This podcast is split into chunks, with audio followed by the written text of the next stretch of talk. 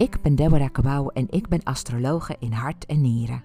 Ik ben auteur en uitgever van horoscoopboeken en horoscooprapportages en de eigenaar van de webshop horoscoopboeken.nl. Ik ben astrologisch business coach. Mijn missie is om levens van anderen positief te transformeren en dat doe ik door de exclusieve adviseur te zijn van vrouwelijke ondernemers in dienstverlenende beroepen. Bij mij komen coaches, trainers en adviseurs, als ook ondernemende vrouwen in de media- en entertainmentbranche. Het merendeel is 70 tot 80 procent op weg met hun missie. Wat hebben deze vrouwen met elkaar gemeen? Zij zien zichzelf als de waardevolste investering binnen hun bedrijf. Ze willen eruit halen wat erin zit en goede strategische keuzes maken. Zit jij hier naar te luisteren en denk je: Goh, ze heeft het over mij? Ik heb een unieke methode ontwikkeld waardoor ik in jouw geboortehoroscoop kan zien waar jouw goud ligt en hoe jij dat het beste kunt verzilveren. Ik geef VIP-dagen die ik achter de schermen heel minutieus voorbereid en mijn grote gave is dat ik je potentieel volledig zie en dat ik dat weet te vertalen naar concrete, kansrijke ideeën voor jouw business. Ik geef je aan het einde van deze podcast de link hoe je met mij in contact kunt komen of raadpleeg de show notes bij deze podcast. Deze podcast ben ik gestart om mijn grote passie met jou te delen: astrologie. Ik ben hier om jou te helpen herinneren wie je bent en wat jouw levensmissie is. Geen zweverig gedoe, maar wel met veel spiritueel gevoel. Het is mijn diepe overtuiging dat je bij geboorte een gebruiksaanwijzing mee hebt gekregen en ik ontvouw die heel graag voor je. Voel je welkom bij de community van astrologieliefhebbers die meer te weten willen komen over deze fascinerende wetenschap. Laat je inspireren door de vele ins en outs die je nergens anders zult horen. Je bent veel meer dan je ooit is verteld en ik vertel je graag het eerlijke verhaal. Welkom alweer bij een nieuwe aflevering van de Astrologie Podcast.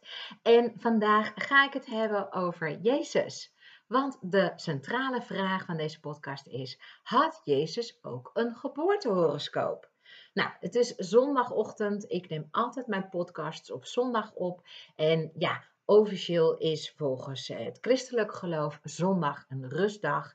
En zou je eigenlijk helemaal niet mogen werken. Maar de vraag is of een podcast opnemen ook zou vallen onder eh, ja, de noemer werken. Nou, ik vind zelf van niet, want ik vind het hartstikke leuk om podcasts op te nemen. Het is een soort, uh, ja, een, een vorm van kennisdeling. En dat zou ik even goed hebben gedaan. Dus of ik het nou eigenlijk opneem of dat ik mijn verhalen rond vertel, dat maakt voor mij dan niet zo heel veel uit.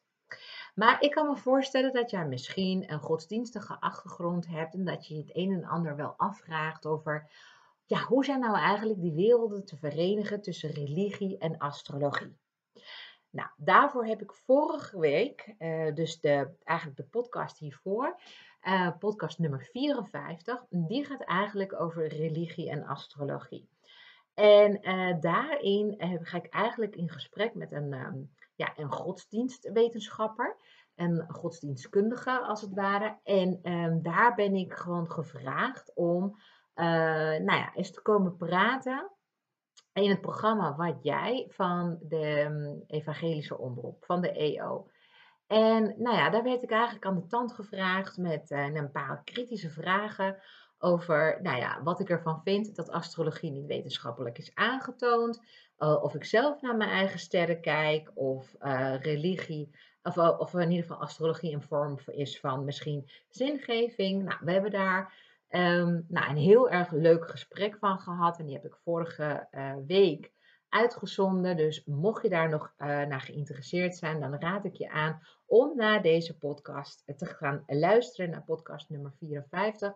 Want ja, die gaat eigenlijk over mijn zienswijze op geloof, religie en dat soort zaken.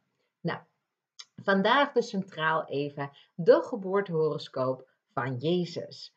Want ik heb ook uh, klanten, namelijk die al dan niet niet meer gelovig zijn of nog steeds geloof uh, en geloof aanhangen, maar zich ook wel afvragen van goh, eh, wat, wat, wat was dan de horoscoop van Jezus? Want dat was toch wel een merkwaardig, bijzonder, ja, historisch figuur. En ehm, als dan van ieder mens een geboortehoroscoop mogelijk is, dan zou je zeggen dat er dus van Jezus ook een geboortehoroscoop aanwezig is?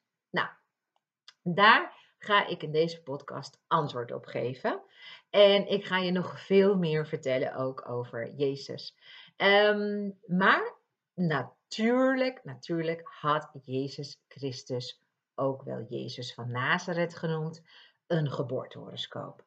Want het klopt, het universum slaat niets en niemand over. Dus van elk nieuw leven op aarde valt er een geboortehoroscoop te maken. Nou, een geboortehoroscoop, hè, want als je voor het eerst naar deze podcast, podcast luistert, dan vraag je je wellicht af, wat is nou zo'n horoscoop? Nou, dat is een kaart vol symbolen van de standen van de sterren en planeten precies op het moment dat iemand werd geboren. Om een geboortehoroscoop te kunnen maken, is het eigenlijk ja, super belangrijk om te beschikken over drie belangrijke gegevens. En ehm, allereerst is het belangrijk om een geboortedatum te hebben. dus de dag waarop je bent geboren, de maand en het jaartal. Het geboortetijdstip is vervolgens weer het tweede wat superbelangrijk is. Want de aarde draait en ieder minuut staat de aarde ten opzichte van andere planeten en hemellichamen toch echt heel anders. En het derde en belangrijke, uh, belangrijk gegeven, noodzakelijk voor het maken van een geboortehoroscoop, is de geboorteplaats. Nou, van onszelf en van ons dierbaren is het vrij makkelijk te achterhalen waar we zijn geboren. Het staat vaak uh, in ons paspoort, de burgerlijke stand weet het, want ja, vanuit oudsher um, is het verplicht voor ouders om aangifte te doen van de geboorte van een, uh, ja, van een, van, van een nieuw kind. Dus ja, dan is het dus ook van jou en van jouw voorouders is er dus ook een geboorteplaats bekend. Nou, van Jezus is alleen bekend waar hij geboren is. Er is dus geen geboortetijd en geen geboortedatum. Hè? Dus alles over zijn geboortetijd en geboortedatum is heel speculatief. Dat wil ik allereerst gezegd hebben. Uh, natuurlijk ga je heel veel horen over het hoe en waarom het allemaal uh, niet zo duidelijk is rondom Jezus. Maar ik dacht, ik geef je alvast een schot voor de boeg. Het is dus niet bekend wanneer Jezus exact geboren is. Het is dus zo dat het dus niet met zekerheid kan worden vastgesteld wanneer en hoe laat Jezus precies is geboren. Want dit heeft alles te maken met de vele fouten die destijds bij het berekenen van horoscopen werden gemaakt. Ook bij het ontbreken van een kalender die door iedereen als zodanig werd gebruikt. En natuurlijk ook dat het niet in de Bijbel uh, ja, is vastgelegd. Dus je vindt het niet in het Oude Testament, Nieuwe Testament, je vindt het nergens. Daar kun je niet, ja in het Oude Testament weet je alleen maar dat er een Messias aankomt natuurlijk. Maar in het Nieuwe Testament kun je dat dus ook allemaal niet terugvinden. Er zijn wel wat aanwijzingen die duiden op een mogelijke geboortedag. Maar daar ga ik het zo even over hebben. Want ondanks dat we dus niet exact Jezus geboortehoroscoop kunnen maken, valt aan de hand van oude geschriften wel het een en ander uit op te maken. Nou, uh, mogelijk dat je denkt van, ja, leuk Deborah, maar even, wie was en is Jezus? En ik kan me voorstellen dat je wel nou ja, wel eens van die meneer hebt gehoord, maar dat je misschien niet helemaal eh, voor ogen hebt van, ja, wie was dat dan? Wat was er nou eigenlijk zo bijzonder aan Jezus? Hoe zat het eigenlijk ook alweer? Misschien is die kennis een beetje weggezakt. Dus ik denk, ik ga je even wat vertellen wat ik van Jezus in ieder geval weet. Jezus was een Joodse man met bijzondere gaven die ongeveer zo'n 2000 jaar geleden leefde. Volgens de islam was Jezus een profeet, een boodschapper van God dus. Maar volgens het christendom is Jezus de zoon van God. God is dus de vader van Jezus. Tezamen met de Heilige Geest vormen ze een drie-eenheid. Dus God, de Zoon van God en de Heilige Geest. Ja? Nou, wellicht ken je ook wel het kruisgebed hè, in de naam van de Vader, de Zoon en de Heilige Geest. Amen. Dus dat is die heilige drie-eenheid. Die is super belangrijk, zeker in het christendom. Ehm, over wie werkelijk Jezus was en wat precies zijn daden waren, kan niet met zekerheid worden vastgesteld. Er is ook geen informatie te vinden over de jeugd van Jezus. We weten alleen dat hij één moeder heeft. De heilige, oftewel de onbevlekte Maria. En Maria werd uh, zwanger zonder intiem te zijn geweest met haar partner. Haar partner was Jozef. Dat is de, ja, de aardse vader van God. Uh, sorry, van Jezus. En dan God is dan weer de Vader in de hemel van Jezus. Kun je het nog volgen? Dus Jezus had één moeder en twee vaders. Een aardse vader, die Jozef heette, en dan de, ja, God, de Vader in de hemel. Nou, Jezus had een bijzondere band met zijn hemelse vader en hij kon zomaar verdwijnen om bij hem te zijn. Als twaalfjarige jongen legde hij dingen uit aan priesters van het Joodse geloof. Pas toen Jezus, uh, uh, pas toen Jezus overleed, hè, kwam, maar langzamer, hè, dat niet in één keer, maar toen kwam eigenlijk pas het christengeloof los van zijn Joodse wortels. Veel mensen weten het niet, maar uh, ja, Jezus is geboren eigenlijk als Jood, hè, uit Joodse wortels. Maar na zijn overlijden en door eigenlijk door, ja, door de geschiedschrijving, door alles wat er daarna is gebeurd, is het christendom goed op gang gekomen. En is het ja, breed verspreid. Jezus heeft zo ongeveer vanuit zijn dertigste een paar jaar door Israël gereisd. De Joden in Jeruzalem hoopten uh, dat um, Jezus hen zou bevrijden van de Romeinen. Maar dat was niet zijn taak hier op aarde. Hè? Ehm, de Joodse hoge priesters en Romaanse leiders wilden Jezus uit de weg ruimen uit angst dat Jezus gekroond zou worden als de nieuwe koning en daarmee hun eigen invloed zou afnemen. Dus ja, ze hadden eigenlijk een soort van angst voor Jezus. Maar Jezus wilde zelf helemaal geen koning worden. Ehm, nou, kan ik me voorstellen dat je denkt van, ja, waarom zou ik eigenlijk de geboortehoroscoop van Jezus willen weten? Um, nou, ik vind het zelf ongelooflijk interessant, want kijk, religie en astrologie kunnen prima naast elkaar bestaan. Hè? Beide bieden een vorm van zingeving op levensvragen. Ik had het er net ook al over gehad. Uh, in de vorige podcast heb, ga ik hier uitgebreid op in. Maar ik vind ook wel belangrijk dat je weet dat astrologie geen geloof is, maar een methodiek om de invloed van de kosmos te interpreteren van het leven en situaties hier op aarde.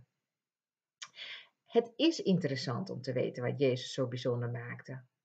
Een verklaring voor zijn persoonlijkheid vanuit de kosmos bekeken is iets waar astrologen zich al eeuwen over buigen. Dus deze podcast biedt aanknopingspunten om Jezus' karakter vanuit de sterren te doorgronden, maar ik pretendeert geen zins de wijsheid in pacht te hebben. Want nogmaals, ik was er niet bij, jij was er niet bij, onze voorouderen waren er niet bij en de mensen die er wel bij waren kunnen het niet meer navertellen. Dus Jezus blijft een belangrijk historisch figuur, van wie de naam en invloed nog lang na mijn dood zal blijven voortleven en waarschijnlijk dus ook na jouw dood. Dat maakt hem dus als persoon juist zo boeiend. Wat veel mensen niet weten is dat ik zelf rooms-katholiek ben opgevoed. Ik ben gedoopt en heb mijn eerste heilige communie gedaan toen ik negen jaar oud was. Dat heb ik gedaan op mijn geboorteeiland Ibiza. Ehm, als dit de eerste keer is dat je naar mijn podcast luistert, dan uh, kan ik me voorstellen dat je denkt: wow, ben je op Ibiza geboren? Ja, ik heb daar ook een podcast over opgenomen, want Ibiza klinkt natuurlijk als de Walhalla. En dat is het natuurlijk ook wel. En het is ook echt de meest spirituele eiland van heel Europa. En um, ik kan me voorstellen dat je denkt van, nou ja, hoe was dat dan om op te groeien dan op Ibiza? Nou, ik heb daar ook een podcast over opgenomen. Podcast nummer 9 gaat eigenlijk over mijn roots, mijn wortels op het geboorte-eiland Ibiza. En dat wordt ook wel door astrologen gezien en bestempeld als een schorpioeneiland. Nou, waarom dat is, dat kun je dus terugluisteren in podcastaflevering nummer 9. Nou, in aanloop naar mijn eerste communie, sorry, even wat water. In aanloop naar mijn eerste communie kreeg ik les. En dat noemen ze dan uh, communica ja, com communicatese, catechese, sorry. En um, ik moest dus twee keer per week naar het kerkje bij ons in het dorp in San Rafael op Ibiza.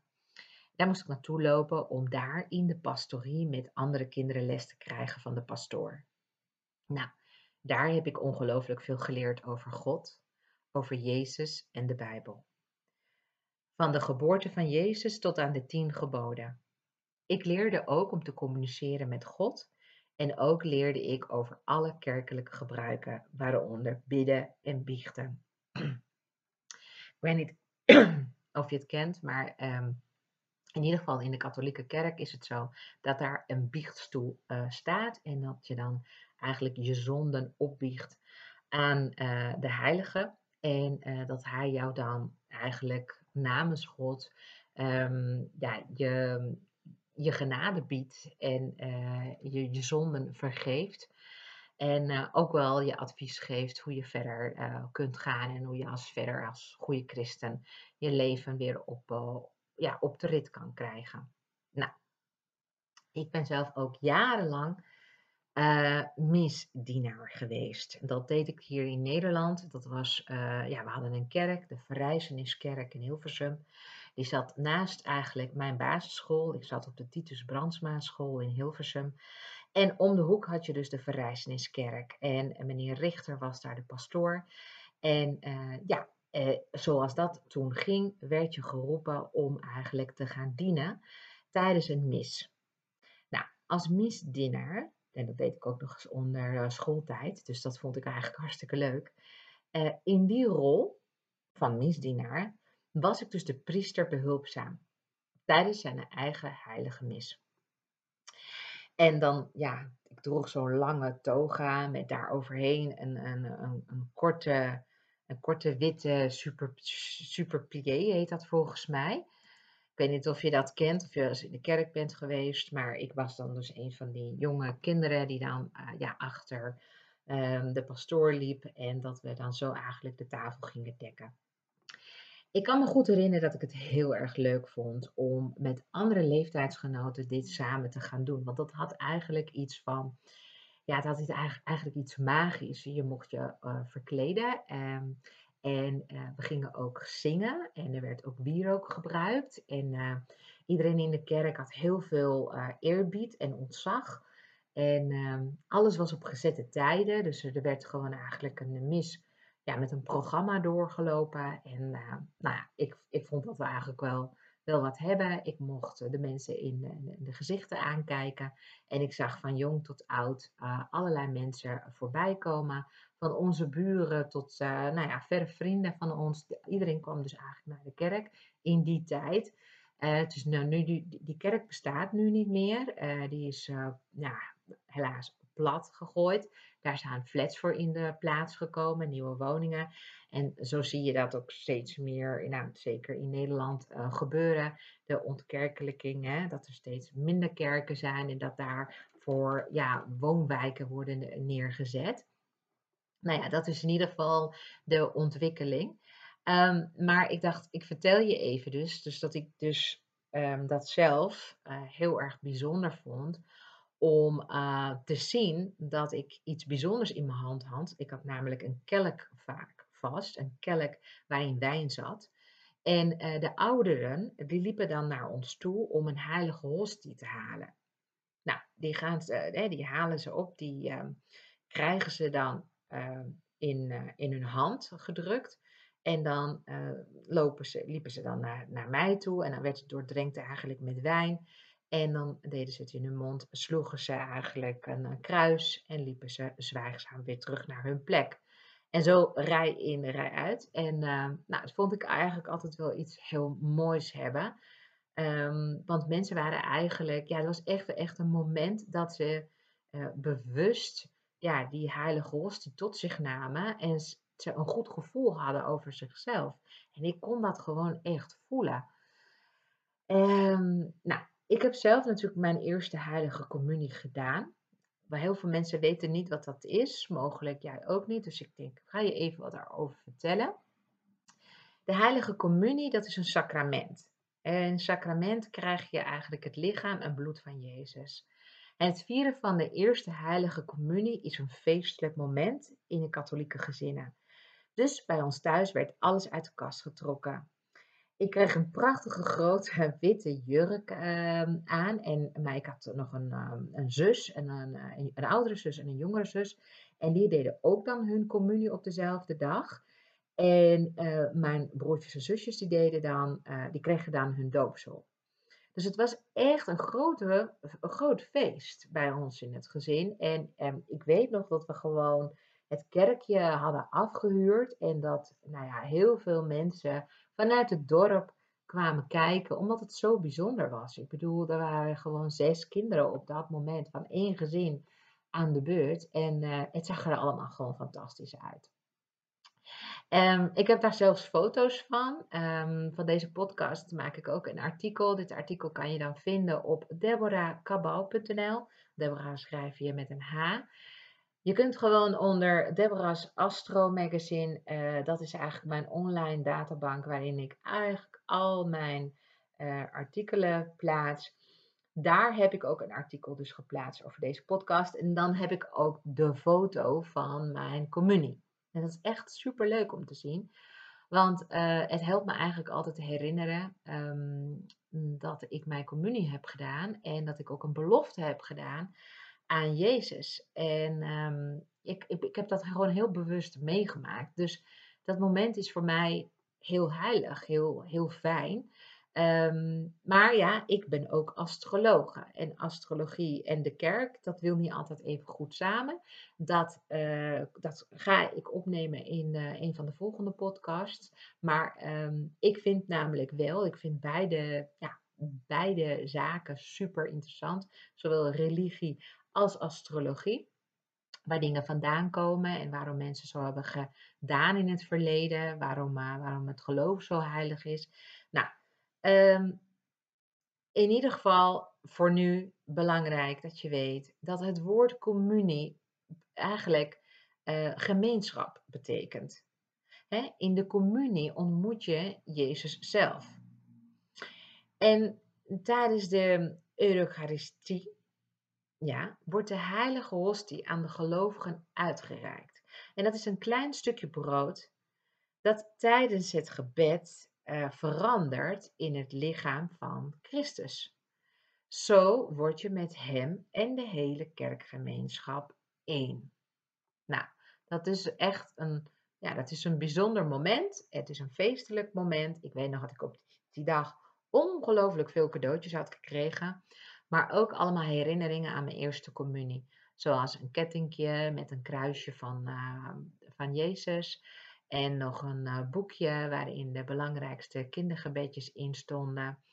Um, ik kreeg gewoon eigenlijk heel veel herinneringen aan mijn communie. En dat heb ik thuis altijd uh, gestald en heel lang daarna gekeken. Dus um, ja, het zijn eigenlijk reliquieën aan, aan, uh, aan die periode in mijn leven waarin ik me bewust was dat er dus iets veel groters dan ons uh, gaande was. En uh, ik kon het niet zien. Ja, ik heb God niet, nooit gezien. Ik neem aan, jij ook niet. Misschien heb je hem gevoeld en misschien, ja, ik voel ook iets. En dan denk ik, ja, dat ben ik dan zelf. Hè?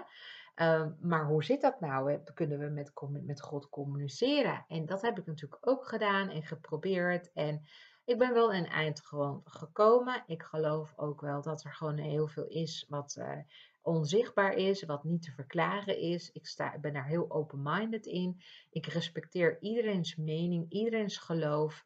Ehm, ik geloof dat er van alles gaande is. Ik bedoel dat er niet één waarheid is, maar dat er veel meer is dan dat wij als mensen gewoon kunnen behappen. Dus vandaar ook dat ik eigenlijk in astrologie uh, me heb verdiept, omdat ik naast dat ik astronomie heel erg boeiend vind, dus eigenlijk hoe werkt het nou hier eigenlijk in de kosmos, vond ik ook de interpretatie van wat hierboven gebeurt op ons als mensen juist zo ongelooflijk boeiend en zeker vanuit psychologisch perspectief. Nou, om dichter bij God te komen, want ja, ik kan me voorstellen dat je denkt van ja, ik weet niet hoe ik dicht bij God kan komen. Of ik weet het juist wel. Uh, iedereen heeft daar een ander gevoel bij. Um, ik weet in ieder geval dat vanuit de kerk, hè, in ieder geval dat ieder katholiek, uh, die drie inwijdingen moet doorlopen om een christelijk leven te mogen leiden. En dat is dus de doopsel, eerste communie en vormsel. En dat, dus die drie punten, die drie zaken, die worden wel de drie initiatiesacramenten genoemd. Die heb ik alle drie doorlopen. Een sacrament is dus een ritueel door Christus ingesteld en aan de kerk gegeven. Het ontvangen van een sacrament is een werkzaam teken. Er gebeurt dan ook echt iets. In de kerk ontmoeten God en mens elkaar, waarbij God ons zijn genade schenkt. Dat is eigenlijk de essentie van tot het geloof toetreden, al dan niet je bekeren of ja, eh, een, een volgeling worden. Um, die sacramenten heb je dus nodig. Nou, ik kan mijn, mijn laatste twee sacramenten, namelijk mijn communie en vormsel, dus heel goed herinneren. Ik wilde er alles over begrijpen en alles weten. Want het, ik, ik vroeg me gewoon af, want Kijk, ik, ik, deed mijn vormsel. En mijn vormsel is toegediend door, um, uh, door, een, uh, door een bisschop hier in Nederland. En um, ik, ik weet nog dat ik daar naartoe moest. En uh, nou ja, dat ik eigenlijk in zijn kerk was. En dat ik, me, nou, dat ik dacht, oh wauw, wat ongelooflijk mooi. En waar wordt het toch allemaal wel niet van betaald? Heeft God dan deze huizen hier zo neergezet? Ik vroeg me gewoon eigenlijk af hoe de kerk nou zo groot was geworden en zoveel macht had. Maar ja, ik vroeg me ook natuurlijk wat kinderlijke vragen af, zoals waarom uh, God geen vrouw was. Of Jezus nog ooit terug zal keren. En waarom er wordt gezegd dat voor slechterikken geen plek is in de hemel. Wat is dan precies de hemel en wat gebeurt er dan na ons dood? Dat waren allemaal vragen waar ik mee zat. Dus ik dacht, ik moet hier gewoon antwoorden vinden. En ja, gedeeltelijk heb ik die natuurlijk ook gevonden. Maar op heel veel vragen ja, komt geen antwoord. En moet je het gewoon ja, maar nemen zoals het je wordt verteld en wordt geleerd. En, uh, maar hoe dan ook, de kerk is gewoon doordrenkt met symboliek. En zeker in de katholieke kerk, hè, daar is gewoon niet sober. Eh, de katholieke kerk, en ik ben natuurlijk een Spaanse roots, daar is alles gewoon heel, nou, hoe moet je dat zeggen, pompeus, uh, architectonisch. Het is gewoon echt heel mooi. Misschien ken je wel La Sagrada wel, dat is een kathedraal in Barcelona. Daar hebben ze ook eeuwen over gedaan om hem af te krijgen. Daar is echt tot in elk detail uh, is, is er gewoon jaren gewerkt. En ja, daar gebruiken ze gewoon heel veel ornamenten, versiersels, uh, kleuren. Um, het, is, ja, het is allemaal ja, heel best wel, ik noem het maar impressive. Maar dat was ook de bedoeling van het geloof, dat je er ook van onder de indruk was. De meeste mensen die naar de kerk gingen, dat waren gewoon burgers, normale mensen. Eh, en mensen die eigenlijk tegen, ja, die het nodig hadden om ook tegen iets of iemand op te kijken. En zo'n kerk, ja, die heeft die allure, hè? het is allemaal heel groot. Vaak met de orgel, komt best wel wat uh, muziek uit. Het is uh, echt, nou ja, het doet echt wel wat met je om in zo'n kerk te komen. Ik, uh, ik kan me nog herinneren dat ik, een paar jaar geleden was ik in New York. En toen ging ik, um, ik ben even de naam van de kerk kwijt, de, de church. Nou ja, die was in ieder geval open en was super groot. Um, ja, dat was achter de Trump Tower. En daar, daar, ehm, daar, daar voelde ik echt uh, me, daar voelde ik echt gewoon me nietig. Heel nietig. En daar had ik echt gewoon heel veel eerbied, om het zo maar te zeggen. Zo'n kerk, wat gewoon zo. Nou ja, en daar waren ook uh, heel veel mensen dus herdacht. Die waren omgekomen tijdens 9-11. En, um, en, en, en, je voelt daar ook gewoon de aanwezigheid van heel veel spirits, terwijl toch iedereen zwijgt. En dat, ja, dat vind ik echt heel erg indrukwekkend. Dan kan ik echt gewoon even helemaal van stil zijn. Dus ja, als jij dus ook wel eens in de kerk bent geweest, dan uh, herken je dit waarschijnlijk. En anders zou ik je echt aanraden, ga eens een keer een kerk naar binnen. Al is het maar in een pittoresk dorp, dorpje als je ergens op vakantie bent. Het heeft altijd een verhaal. Oké. Nou, de katholieke kerk is dus doordrenkt met symboliek. En heeft de Bijbel als leidraad van Gods woord. Nou, ik ben zelf altijd gefascineerd geweest door symbolen. Toen ik voor het eerst een horoscoop in mijn handen kreeg, was ik gebiologeerd door al die mooie mysterieuze tekens. Ik ben door de jaren heen die twee werelden naast elkaar gaan leggen. De kerk en het geloof enerzijds, astrologie en psychologie anderzijds. Ja, en dan komen we natuurlijk op een hele eigenlijk een hele belangrijke vraag. Hoe is nou de christelijke jaartelling ontstaan? Want ja, waarschijnlijk weet je dit wel. Uh, wij leven nu in het jaar 2022. Betekent dat de jaartelling 2022 jaar geleden is begonnen. Wie heeft dan nou zoiets bedacht? En waarom was dat een belangrijk eikpunt? Um, nou, ik dacht, dat ga ik jou vandaag wel even vertellen. Want dat is eigenlijk best wel nou ja, een verhaal die niet veel mensen paraat hebben. En uh, ik merk altijd wanneer ik het vertel aan mensen, dat ze zeggen: Oh ja, ja, goed dat je me dat daarin helpt herinneren. Ik heb daar wel eens van gehoord. Nou, zoals je weet, gebruiken we vandaag de dag wereldwijd de christelijke jaartelling. Niet in alle landen, maar over het algemeen bijna in alle landen. Daarbij vormt de geboorte van Jezus Christus het nulpunt van de jaartelling. Maar het jaar nul zelf bestaat dus niet. Het is altijd um, een jaar na Christus en een jaar voor Christus. Je moet natuurlijk weten dat de mensheid al duizenden jaren bestaat. Hè? Dat is niet begonnen toen Jezus er uh, kwam. Hè? Uh, toen waren er al mensen, toen waren er al rijken, toen waren er al staten, toen waren er al, al, al, al gelovigen, toen waren er al vissers, uh, timmermannen, you name it. er waren complete tempels en piramides en noem het allemaal op.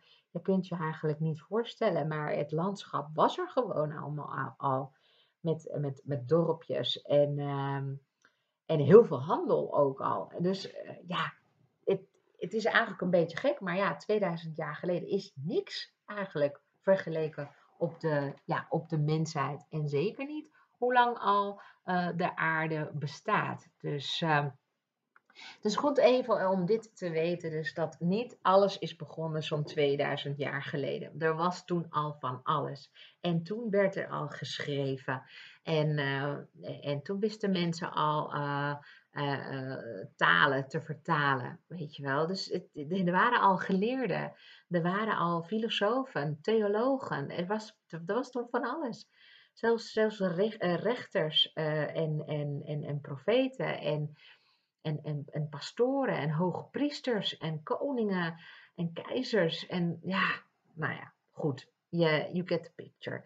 Um, wat veel mensen niet weten, is dat het nulpunt dus geen exact wetenschap is, maar bedacht is door een monnik. Ja, en dat ook nog eens 525 jaar na Christus. Kun je het je dus voorstellen?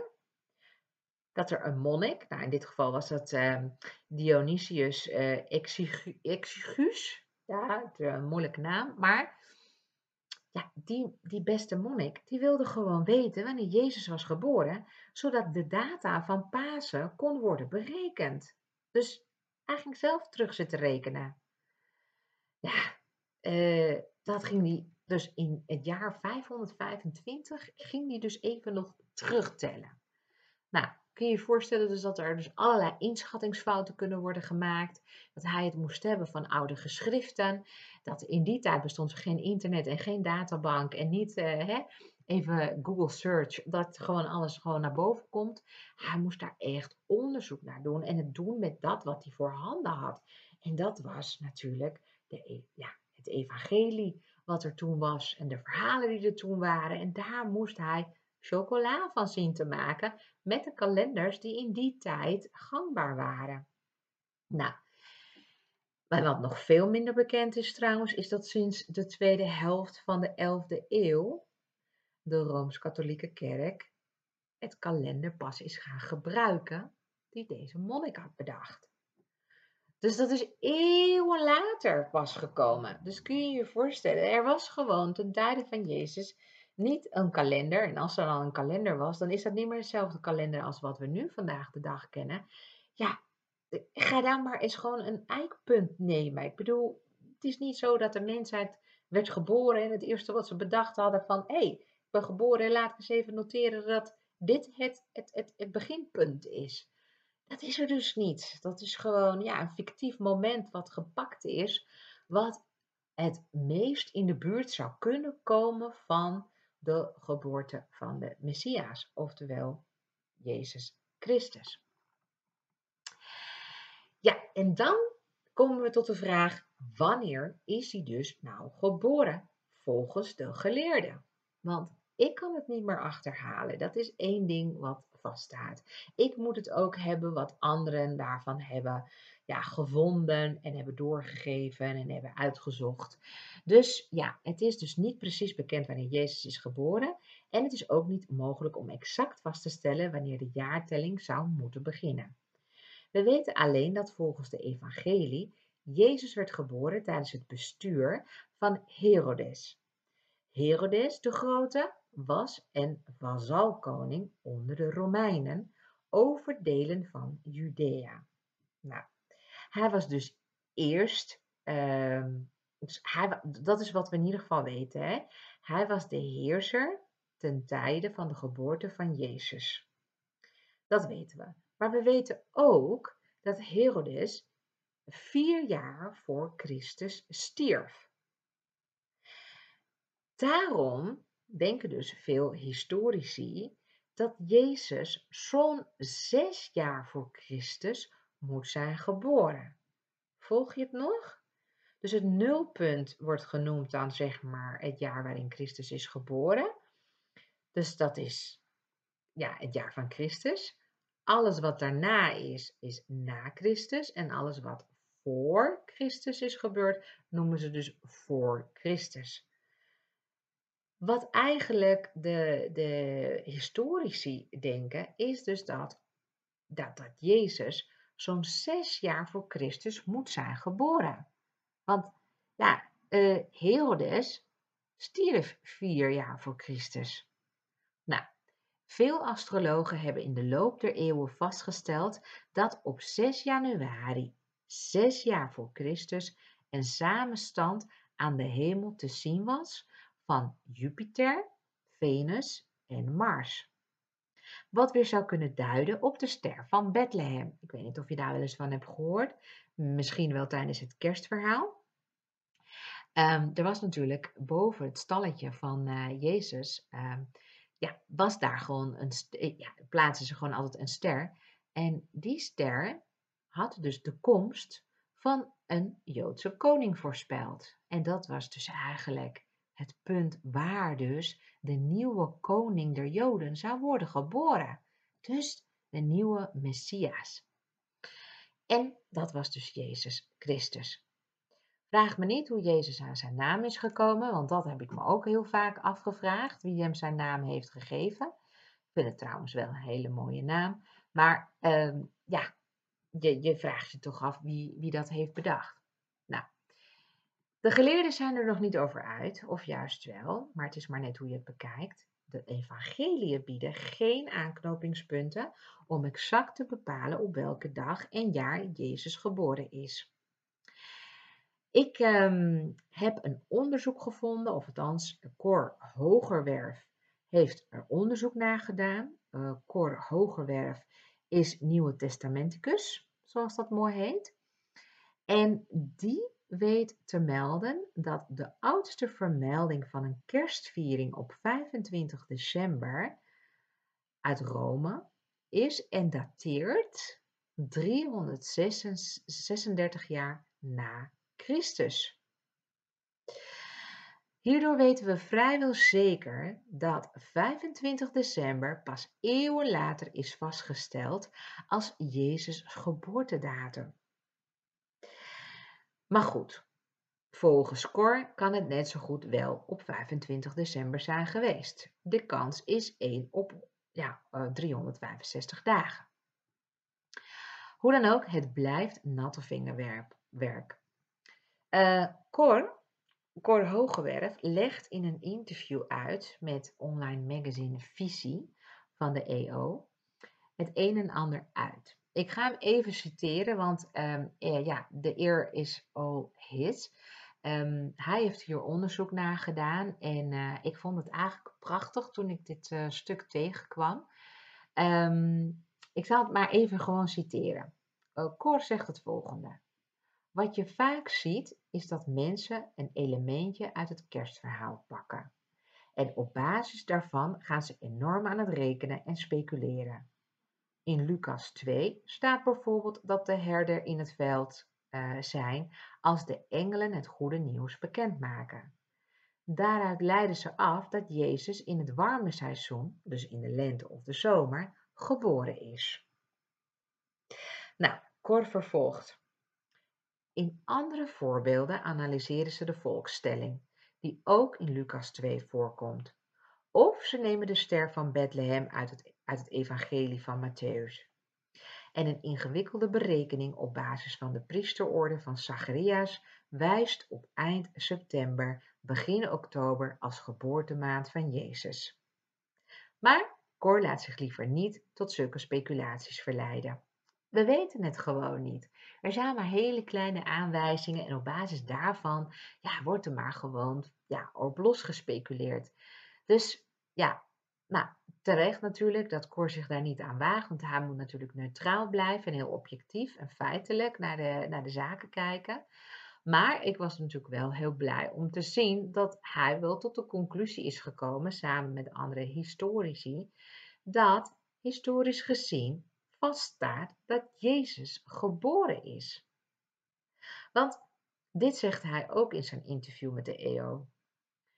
Hij zegt dat, ehm, dat uh, het een feit is dat Herodes de Grote een rol speelt in de geboorteverhalen. En dat vormt een uh, aanwijzing voor Jezus' geboortejaar. De meeste historici komen uit ongeveer het jaar 5 voor Christus. Nou, volgens Cor moet het dan ongeveer in die periode zijn gebeurd dat Jezus dan geboren is. Dus, tussen de 5 en de 6 jaar voor Christus. Wat eigenlijk uh, Cor ook relativeert is dat het eigenlijk helemaal niet zo vreemd is dat we Jezus' exact, exacte geboortedatum niet weten. We weten het namelijk van bijna niemand uit die tijd. Dat we bij benadering iets over Jezus' geboortejaar kunnen zeggen, is dus al heel bijzonder. Al dus Cor. Nou, mooi stuk toch? Nou, als je dat stuk wil nalezen, dan kun je dat uh, vinden op de website van uh, visie.eo.nl. En dan even zoeken onder het artikel wanneer uh, is Jezus geboren.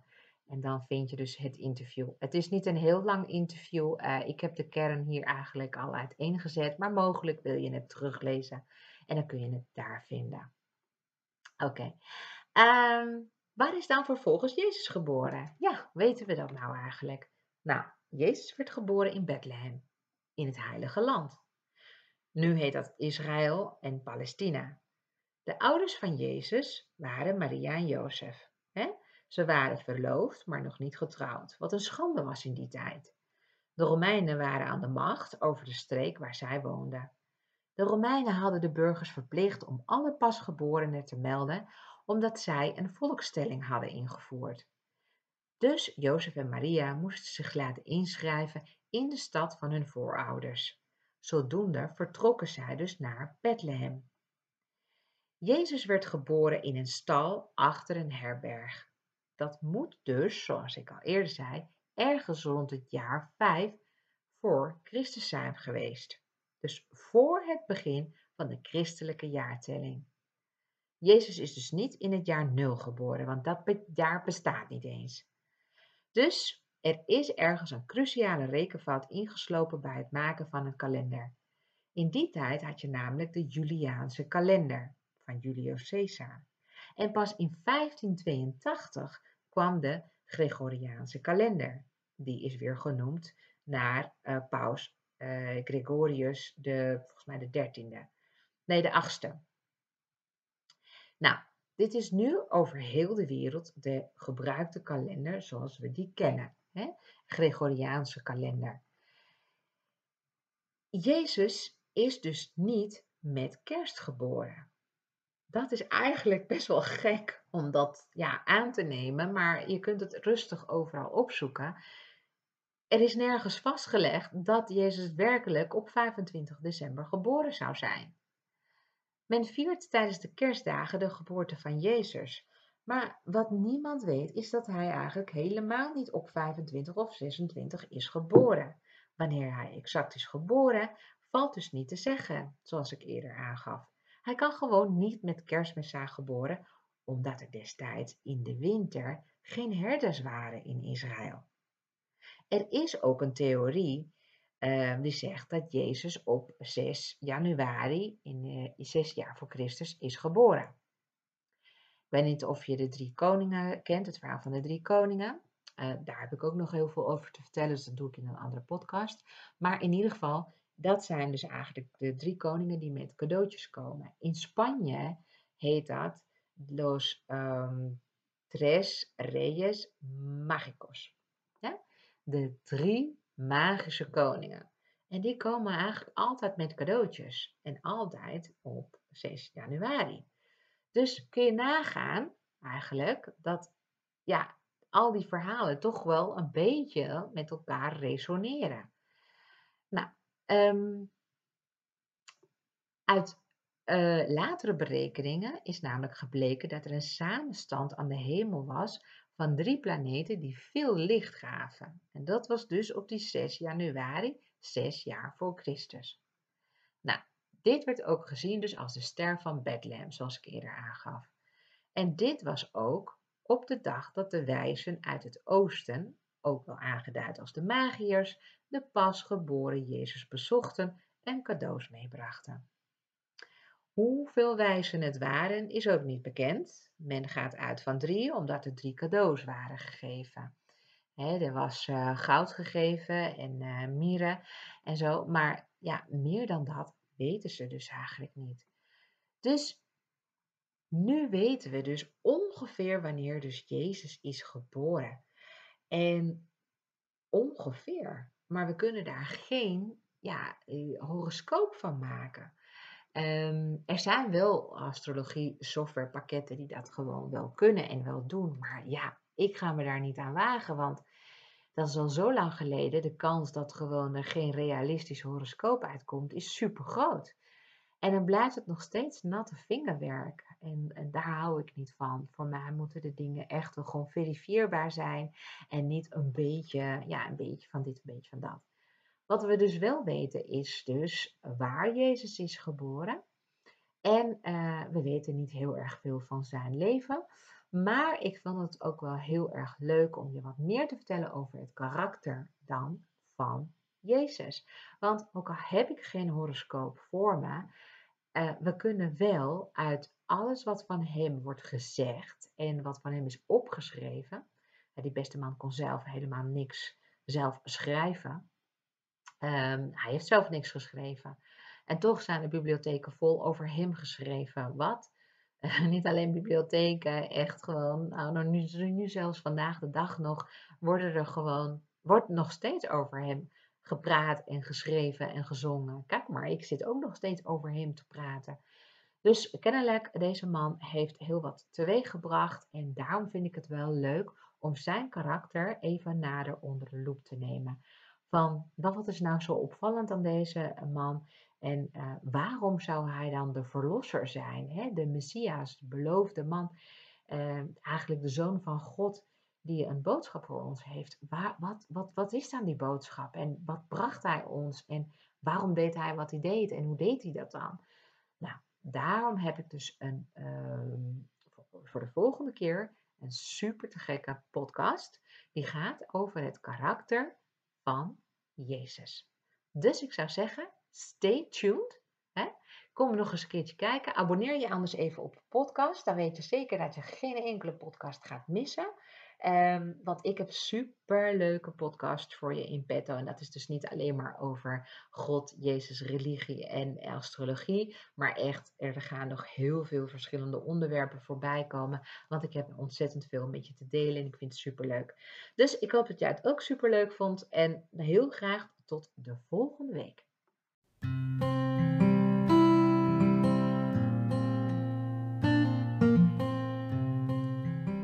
Dankjewel voor het luisteren naar deze aflevering van de Astrologie Podcast.